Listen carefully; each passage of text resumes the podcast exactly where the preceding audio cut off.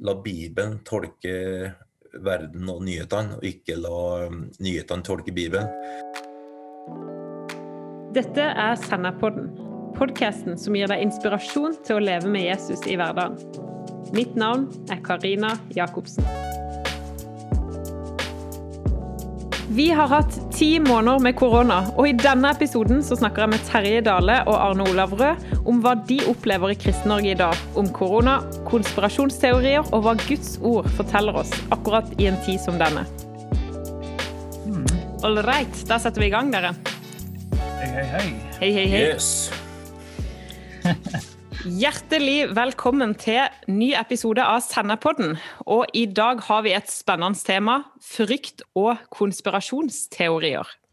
Og i studio i dag, fra hver vår stue eh, over hele Norge, så har jeg med meg Terje Dale, som er apostel og leder for Kristent Fellesskap-menighetene. Og Arne Olav Rød, som er leder i Kristent nettverk og redaktør i sennep.nett. Så hjertelig velkommen til Senderpodden. Tusen takk for det. Takk for det. ja. Kjekt å være med igjen. Ja. Dere har jo vært med noen ganger før. Ja, det begynner å bli en stund siden, men jeg husker jo jeg var med i fjor i hvert fall på noen ting, og det var kjempeinteressant og spennende. Ja. Og har spilt inn litt sånn koronaspesial før. Ja, Vi blir ikke kvitt korona så fort, ser det ut som, så det er bare å holde ut. Det er bare å holde ut. Så nå må vi rett og slett ha en liten eh, ny oppdatering på hva det er som skjer i verdensbildet. Men eh, Terje Dale, kan ikke du begynne å bare fortelle litt kort om deg sjøl, for de som ikke kjenner deg? Jo da, jeg heter Terje, jeg er 61 år, gift med Lise, har tre barn og sju barnebarn. Så jeg er min beste alder. Fantastisk. Og du Arne Ola, du er jo i din beste alder. Ja da, jeg er stadig i min beste alder. Så nei da, jeg har tre barn, og så er jeg litt yngre enn Terje. Eh, men mer skjegg enn han. ja. Det er vel det det måles i. Ja. Ja, men det er bra. Du, vi er altså Vi må jo bare sette i gang. Vi er i januar 2021, og vi har nå hatt vi tenkte jo, når korona kom, så tenkte vi kanskje at det kom til å vare noen måneder. Men eh, nå har vi hatt ti måneder med koronapandemi. Og vi er rimelig lei av alt sammen. Og isolering og ensomhet og depressive tanker. Permitteringer og økonomiske utfordringer. Det er mange ting som følger med. Og andre ting også. Vi har vært vitne til jordskred i Gjerdrum i romjula. Eh, Og jeg vet ikke hvor mange, jeg tror nesten alle har googla om det finnes kvikkleire på din egen tomt. Eh, og Joe Biden har erstatta Donald Trump eh, som amerikansk president. Og det har vært storming av Kongressen, og det har vokst fram konspirasjonsteorier og fake news. Og Terje, det begynner å bli litt mye, syns du ikke det? Jo, det, det er masse. Det er helt sikkert. Altså, og det er klart at det her eh, koronagreia har jo tatt eh, mye lengre tid enn jeg tror de fleste så for seg i mars i fjor, når vi fikk liksom det sjokket som kom med at nå er det alt eh, stengt. Og tenkte ok, vi holder ut til påske, og så ble det sommeren, og så ble det jul, og nå er vi på ny runde med en skikkelig nedstenging, i hvert fall i deler av uh, Norge. Så det her er en ordentlig maraton som ingen vet slutten på enda. Så sånn er det, og vi må bare stå i det. Og da kommer det opp det som ligger der, også på godt og vondt, da. Som gjør at det er vanskelig for mange, og mange blir lei, men det går ikke over for dem det blir lei heller. Så vi må stå i det. Ja. Og for oss som har vokst opp i Norge, vi har jo vokst opp i et, eh, et av verdens beste land å bo i. Eh, Og vi har staten som ordner opp for oss. Og dette her har jo vært uvirkelig. Vi har jo virkelig fått oppleve hvordan, hvordan, hvordan staten må ta ansvar og veilede et helt land på en veldig konkret og tydelig måte. Du kan si at eh, de siste 50 åra har kanskje vært litt unormalt i Norge. Eh, beredskapen vår for eh, at ting er vanskelig og krevende, at ting går opp og ned, og at det er utfordringer og, prøvelser, det har vært lite i Norge de siste 50 åra. Vi har hatt en jevn økning i økonomi og velferd og tilbud og utdanning. og Det har vært en jevn og god opptur og vært stor enighet, fred. Eh, politiske uenighetene har vært relativt små. Og det har skapt en eh, opplevelse av at eh, vi er på det beste laget, og vi kommer til å lykkes. og Det skal gå litt bedre for hver generasjon. Så plutselig kommer da koronaen, og da kanskje beredskapen vår også for å stå i det litt mindre.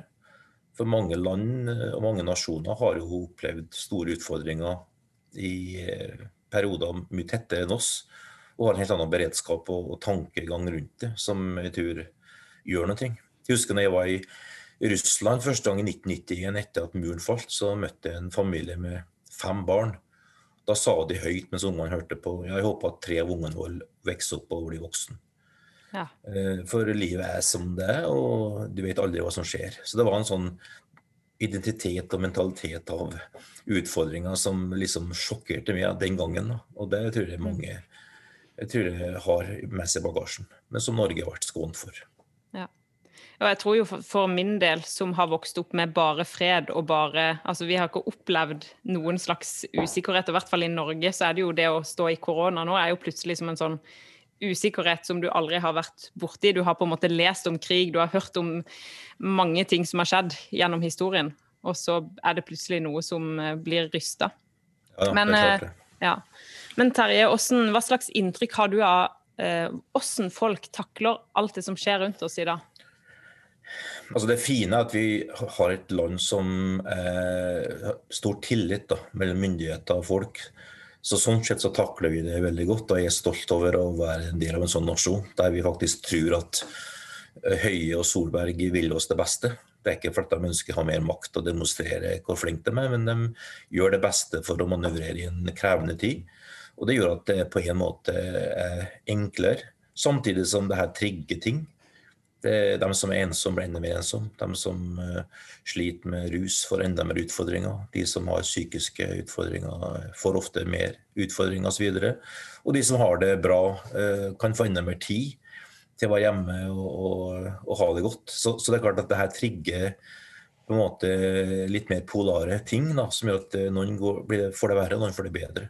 Mm. Så, så, det er ikke noe lett svar på de tingene her, egentlig.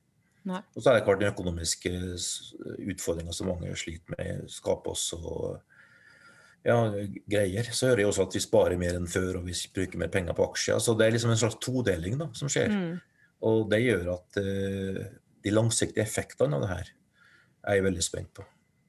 For uh, vi er liksom uh, todelt litt i reaksjon og respons, og det vil helt klart gis utslag lenger fram i gata. Ja. ja. det er jo et delt bilde. og jeg også har hørt, ikke sant, Du hører mange av de som kjenner at oi, du har fått mye godt ut av korona pga. at du kanskje har mm. fått mer kvalitetstid med familie og nære venner, mens andre har opplevd å stå virkelig i harde ting. Så det er jo et delt bilde. Og så, er det litt av hvordan vi forholder oss til dette som kristne, for Jesus han sa jo veldig mange ganger 'frykt ikke'. Eh, og Terje, du skrev jo nylig en blogg med tittelen 'Bli motstandsdyktig mot frykten'. Så hvordan kan vi midt i verden oss, eh, leve, leve midt i verden og samtidig ikke la frykten sige inn over oss når ting er sånn som de er? Altså jeg tror at uh, Det første er liksom å være litt ærlig med seg sjøl. Og, og, sette navn på hva man føler oppi ting, og si at 'nå er jeg redd', hvis du er det. Og gå da til Gud og mennesker med det. Jeg tror den, denne uh, tida her er en fin anledning til å la fasadene falle og eh, komme nærmere Gud og komme nærmere hverandre. Og det går an å komme nært andre uten at man treffes fysisk eh, mm. også. Og det tror jeg er en hjelp da, til å, å finne en, en, puls av sunn og bærekraftig livsstil. For eh, det er jo en anledning for mange nå til å få søke Gud og finne en trygghet i Herren, som jeg tror er en reell ting.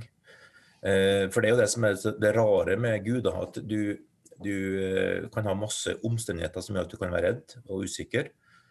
Men så finner du i Gud en fred som uh, han sier sjøl er, er, over vår forstand. Som er en indre fred.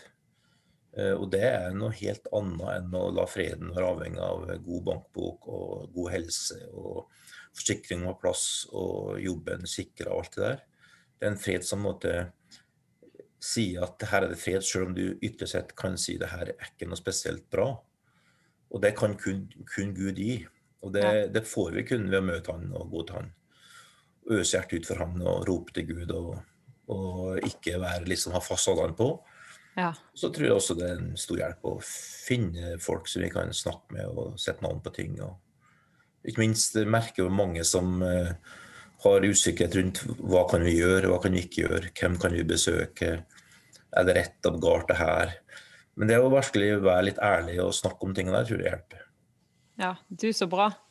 Eh, og hvordan, i forhold til dette med Guds ord og nyhetsbildet, hvordan forholder vi oss til alt, all denne informasjonen som vi får?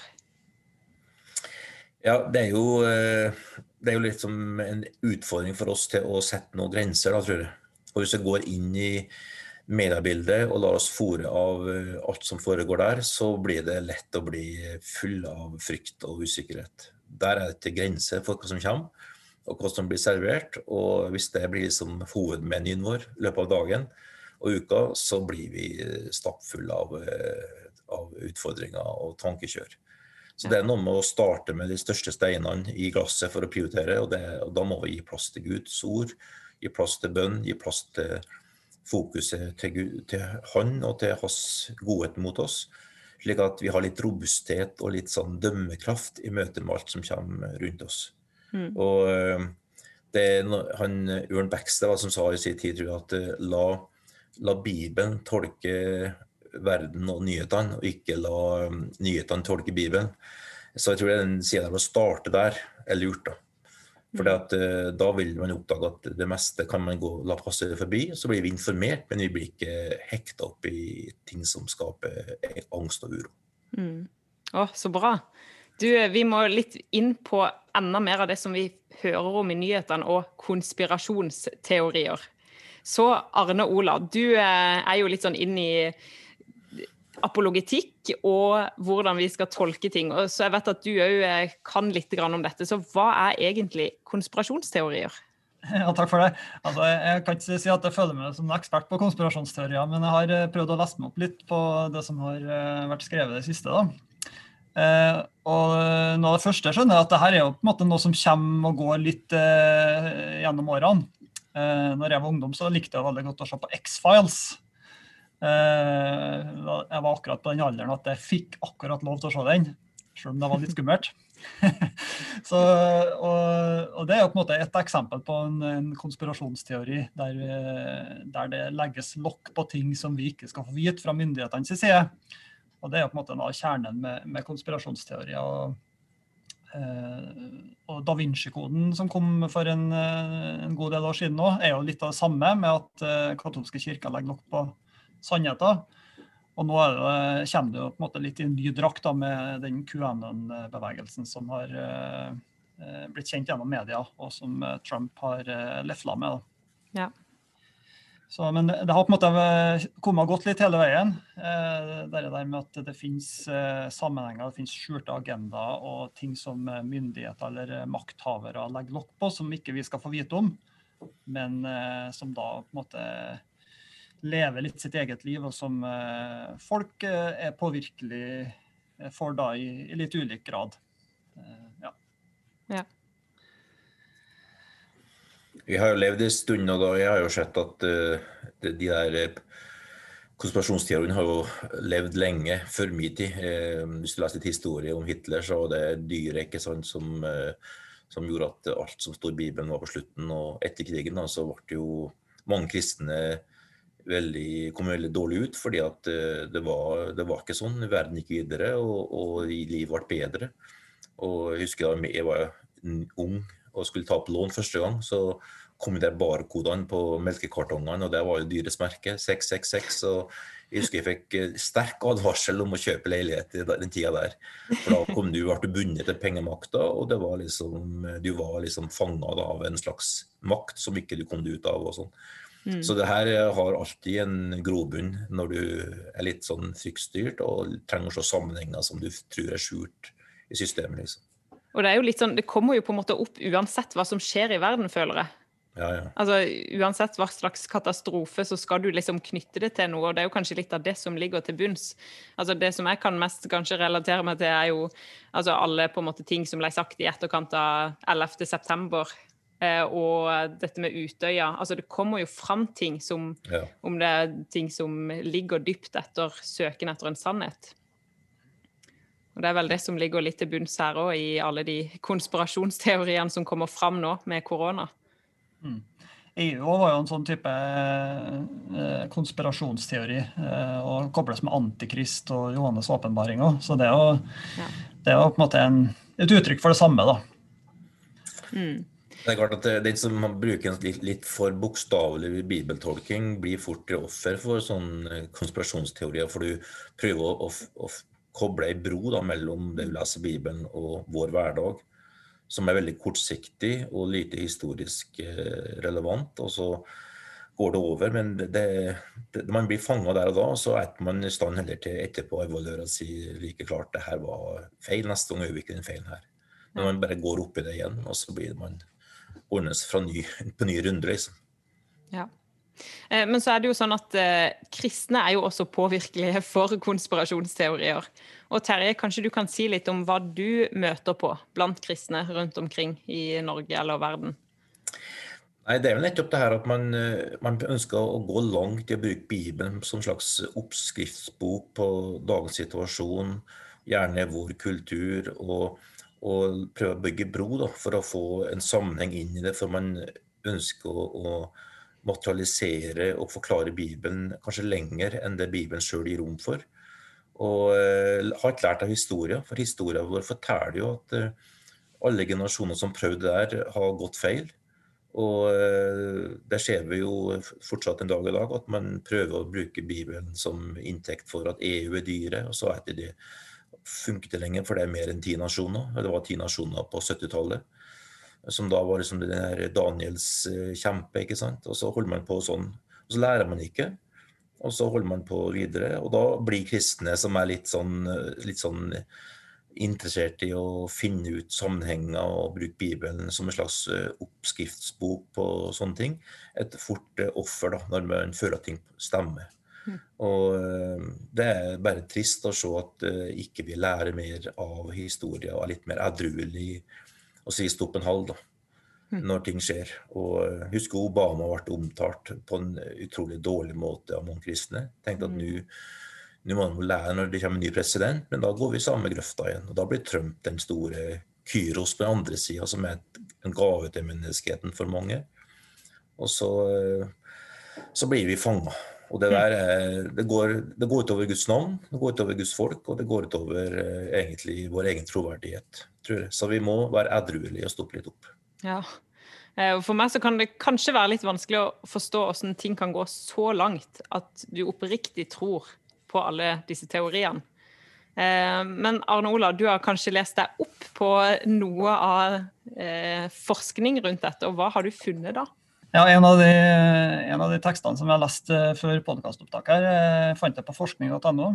Det er jo en god plass for å finne ut litt hva forskere sier om ting. i hvert fall. Så Der er det en som heter Asbjørn Dyrendal. som er, Han er skeptiker og, og religionshistoriker ved NTNU. Han har forska litt på konspirasjonsteorier. og det, ja, Han eh, trekker opp et litt interessant bilde, da, for han sier jo at, eh, at eh, det handler mye om å se sammenhenger og hensikter bak hendelser. Uh, og, og det ikke, der det ikke nødvendigvis trenger å være sammenhenger. Men at den Men at den tilbøyeligheten til å uh, lete etter sammenhenger, uh, den er jo på en måte dypt uh, menneskelig. Det er noe som vi, har, vi, er disponert for, eller som vi er skapt med. Eh, eh, og det er, jo, det er, jo, noe som vi kan kjenne oss igjen i. Vi, vi, vi, søker mening, vi søker sammenheng i livet. Rett og slett. Eh, og det, det det er noe som vi gjør ut fra at vi ønsker litt mer kontroll og litt mer trygghet på hvordan skal vi navigere i livet. Ja.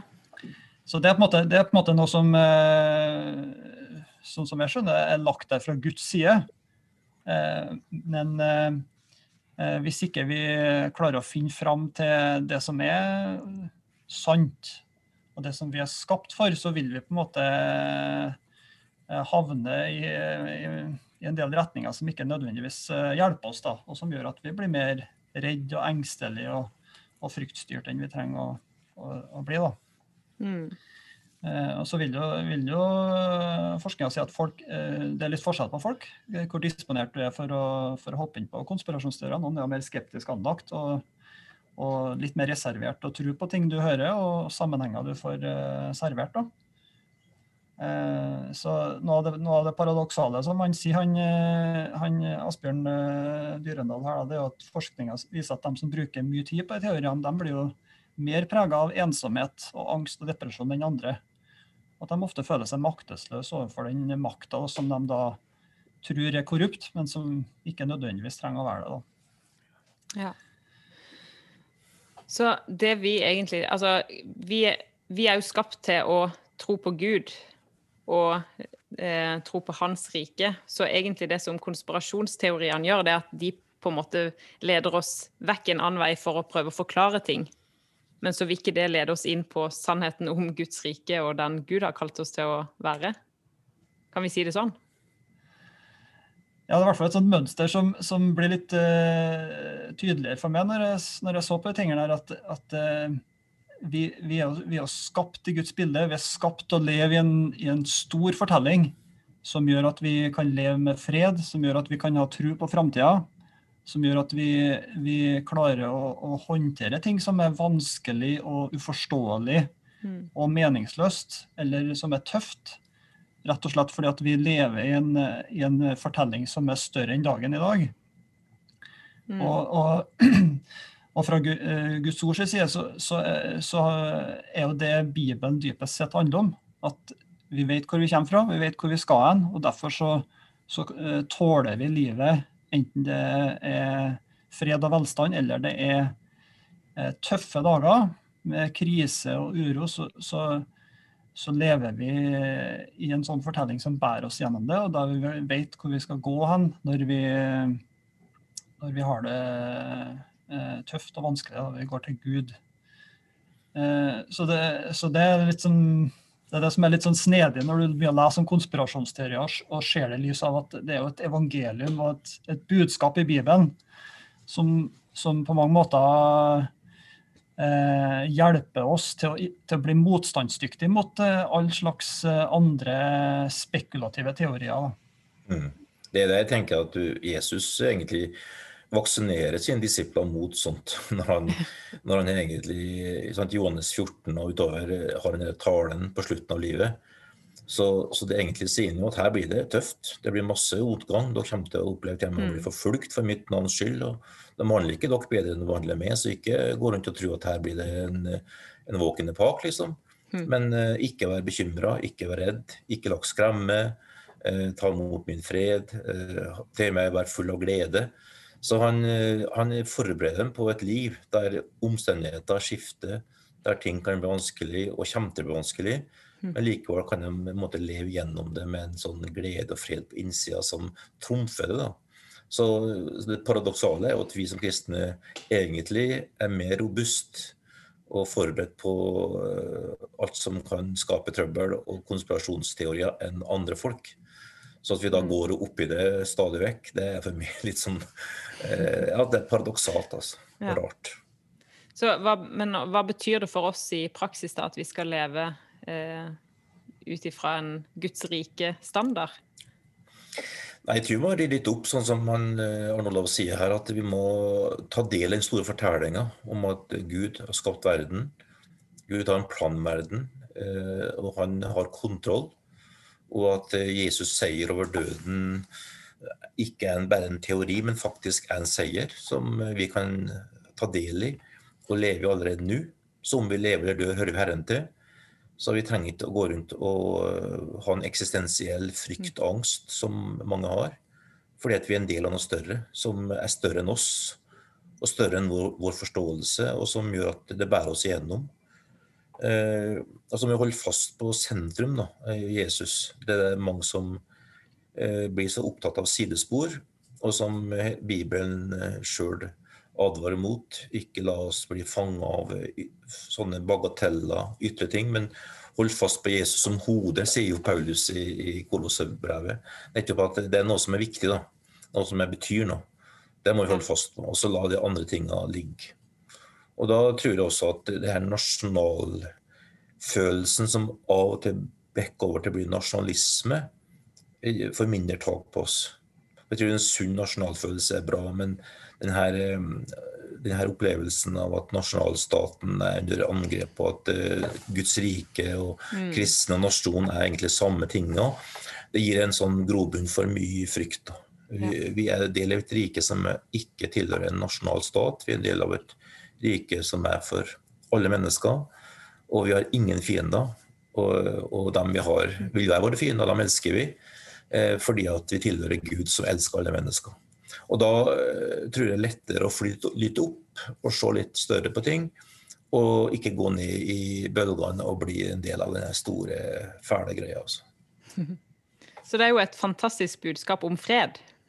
Absolutt. Og vi har all verdens grunn til å heve røsten og løfte opp eh, panna og være litt frimodig i en tid her. Altså. Vi har mm. en sånt godt budskap å formidle. Ja. Du er fantastisk. Vi skal straks gå mot en avslutning. Eh, men jeg kan bare si at jeg kjenner meg veldig det, Dette her med at vi som kristne vi har et budskap om fred å bringe til folk. Og så er det veldig lett å la seg styre unna sånne ting som du hører som blir spennende. Så jeg husker sjøl når eh, Det var kanskje når jeg gikk på ungdomsskolen og det var alle disse her Left Behind-filmene som kom. Jeg husker vi levde i en sånn boble og bare liksom litt sånn skrekkfri. Det er bare Oi, det er sånn her ting kommer til å skje. Så det er jo den derre behovet i menneskeheten for å vite sannheten og vite hva som faktisk skjer i framtida. Men det der med at når vi lever i den tida her, så får du jo en sånn indikasjon på at nei, vi vet ikke alt som skjer. Men hvis vi kan klare å leve ut ifra fred, og ut ifra at Gud har en plan, selv om vi ikke ser hele stykket, så, eh, så er det en fantastisk måte å leve på. Det er jo litt så, sånn eh, Gud inviterer oss inn. ikke sant? Vi, vi, han tar oss i hånda og sier at 'jeg har kontroll, jeg, jeg har oversikten'. Mm. Hold, hold, med, så, hold tak i meg, så skal jeg lede gjennom. Det kommer til å gå bra, selv om det er litt uh, tøft nå. Og, og, det er jo det her som er det fantastiske budskapet vi kan bringe til mennesker. Med ja. tilgivelse og forsoning, frihet fra skam og skyld, helbredelse fra sykdom. Altså Hele forståelsen av Jesus har seira. Han har vært i døden og kommet tilbake. Og han er her på jord og ønsker å bringe mennesker til et punkt av eh, liv og fred og frihet og forsoning. Og det er det beste budskapet vi kan spre, og ikke spre all verdens teori teorier og frykt og, som bare bryter ned og skaper trøbbel. Og mm. gjør vi det som gudsfolk, så tror jeg vi får helt andre resultater også enn denne eh, spekulative eh, spøkelseshistorien som av og til florerer for mye av. Mm. Du, så bra. Ja. Altså, litt annen side ved det her, og det handler jo om at du at mange blir urolig for at du føler at kristendommen er på retur. Og, og det er en kulturkamp som foregår òg, eh, som gjør at en litt kan, eh, kan bli ekstra utsatt òg, tror jeg. Eh, fordi at en er redd litt for hvordan framtida vil være, og hvordan, vil det stå til med neste generasjon kristne eh, hvis utviklingen fortsetter osv. Uh, og Der tror jeg det er kjempeviktig å gjøre opp litt med seg sjøl at, at uh, det å følge Jesus det handler om å ha en del, det handler om å ha integriteten i behold òg. At vi, vi ja. kan ikke tillate oss sjøl å, å, å henge, altså bli med på all mulig slags uh, fryktstyrt eller ting mm. som verken er sant eller som er rett og bra, tenker jeg. At vi, vi, må ha dømmekraft nok til, til, å sette strek og si at Eh, jeg kan ikke gå rundt og, mistenke absolutt alle mennesker som, er, som, ikke tror på Gud, for å ha eh, de og de intensjonene. For eh, Jesus har bedt meg om å elske mennesker og, og behandle dem godt. Og så gjør du det sjøl om du, du, Dypest sett så klarer du ikke å ha kontroll på intensjonene til, til alle, alle, folk du møter. Så du må på en mm. måte gjøre opp litt med deg sjøl at sånn vil, jeg, sånn vil jeg leve.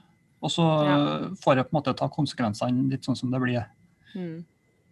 Du, så bra, Arnold. Veldig godt sagt, Arnold. At akkurat den sida der at vi prøver å tro at alle er ute etter oss kristne, og at vi kommer i en slags reaktiv sånn modus av å slåss for oss sjøl. Det, det, er en taperinnstilling, altså. Mm. Eh, verden er usikker. Verden er en plass der ingen av oss vet outputen. Men eh, evangeliet er kraftige saker hvis vi tør å hive det ut så vil det gå framover. Og så må vi bare leve med at noen perioder i livet går det dårlig, og noen plasser går det bra. Men i mange plasser i verden så går evangeliet fram med stormskritt. Selv om vi i Vesten ikke har det sånn nå, så måtte vi bli fulle av frykt og tro at alle er ute etter å ta oss. Ja. For da blir vi i hvert fall tapere. Men eh, evangeliet trumfer til slutt uansett. Ja. Du, så bra. Dette var en god avslutning. At vi skal ta med oss eh, freden fra evangeliet inn i hverdagen og inn i koronasituasjonen, og så kan vi få være med og spre eh, Guds rike eh, midt i denne tida. Så tusen hjertelig takk, Terje Dale og Arne Olav Rød, for at dere var med i Sennepodden. Og for at vi fikk være med. Det var en glede. Ja. Så eh, til deg som hører på, så håper jeg at dette var noen gode ting du kan ta med deg inn i tida som vi står i akkurat nå, og at vi kan få være bærere av fred i, også i denne tida. Så da gjenstår det bare å si vi høres. Takk for at du hører på Sennepodden. Hvis du vil ha mer stoff som dette, kan du gå inn på sennep.nett, og følg oss gjerne på Facebook, Instagram og den podkast-appen som du bruker. Mitt navn er Karina Jacobsen.